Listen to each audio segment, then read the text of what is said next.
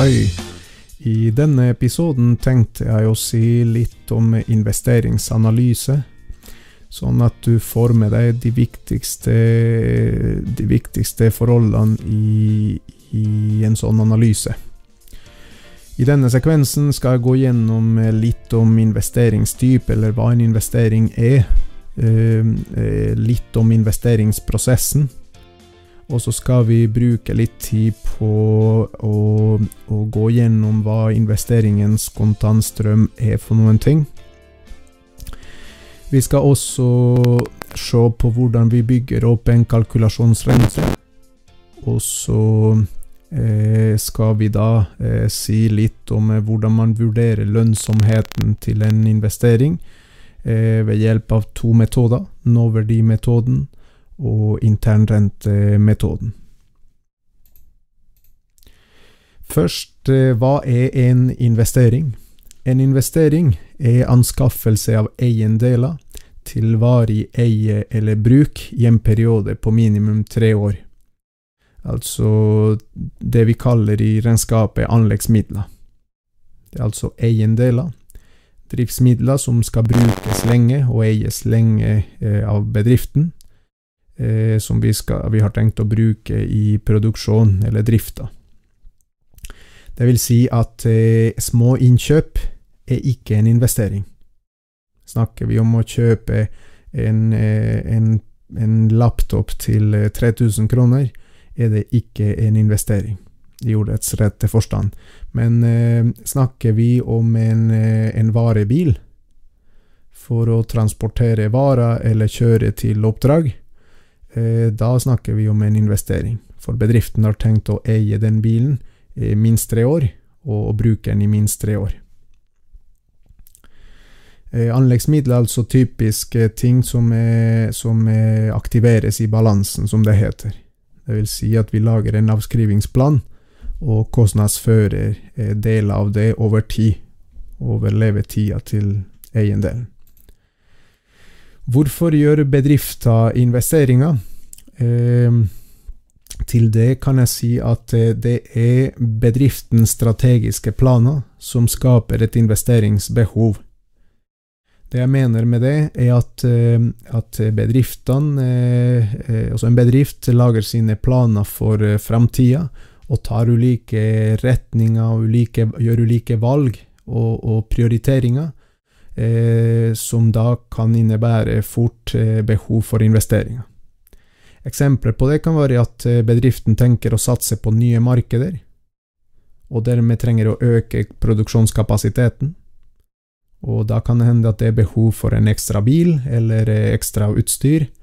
Eh, så valget, det strategiske valget om å satse på nye markeder, skaper plutselig et behov for å investere i, i, nye maskiner og utstyr. Det kan også være eh, at i den, den, strategien som vedtas, at eh, bedriften skal satse på nye produkter. Og da må man kanskje også etablere ny produksjonskapasitet. Kanskje man må kjøpe eh, litt an, annet utstyr enn det man har fra før, for å produsere noe annet. Eh, bruk av ny teknologi. Det kan være at eh, bedriften har bestemt at, eh, at, man skal drive mer effektivt, og da trenger man nye verktøy, nye maskiner, som, som, eh, som gjør jobben eh, fortere eller bedre. Det kan også være løpende pleie og vedlikehold, erstatning av eksisterende utstyr, eller forbedring av indre og ytre miljø. Litt om investeringsprosessen. Altså hvordan foregår en investeringsbeslutning, og, og hvordan iverksettes investeringer. Eh, steg nummer én det er søkeprosessen. Også etter at den strategiske beslutningen er tatt, og behovet er der, og man vet hva man skal ha, så, så starter man å søke litt hvilke alternativer eh, som finnes eh, der ute.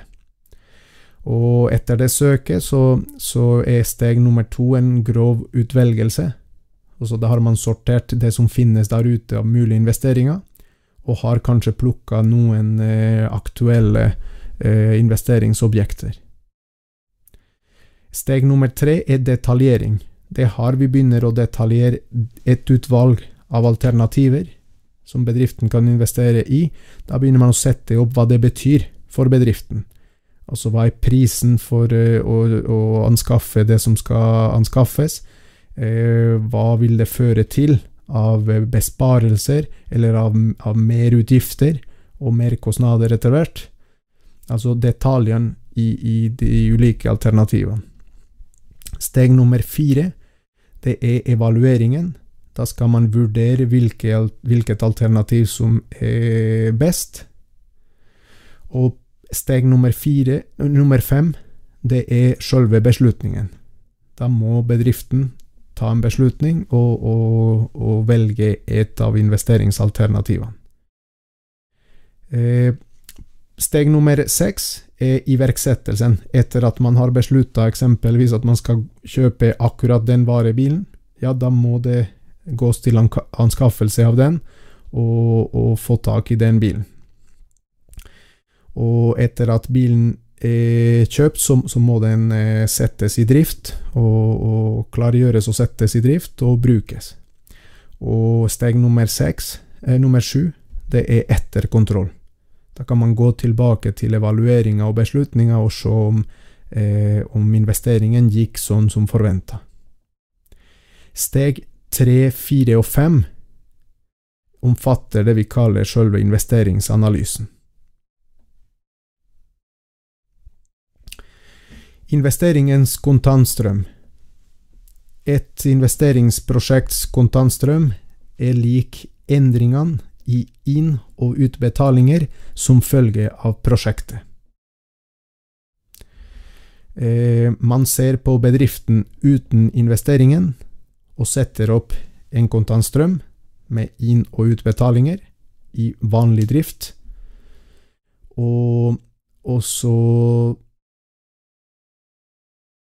Og så summerer man kontantstrømmen med investeringen og differansen der er prosjektets eh, kontantstrøm. Altså endringene i kontantstrømmen. Et eksempel kan være eh, den varebilen jeg nevnte i sted.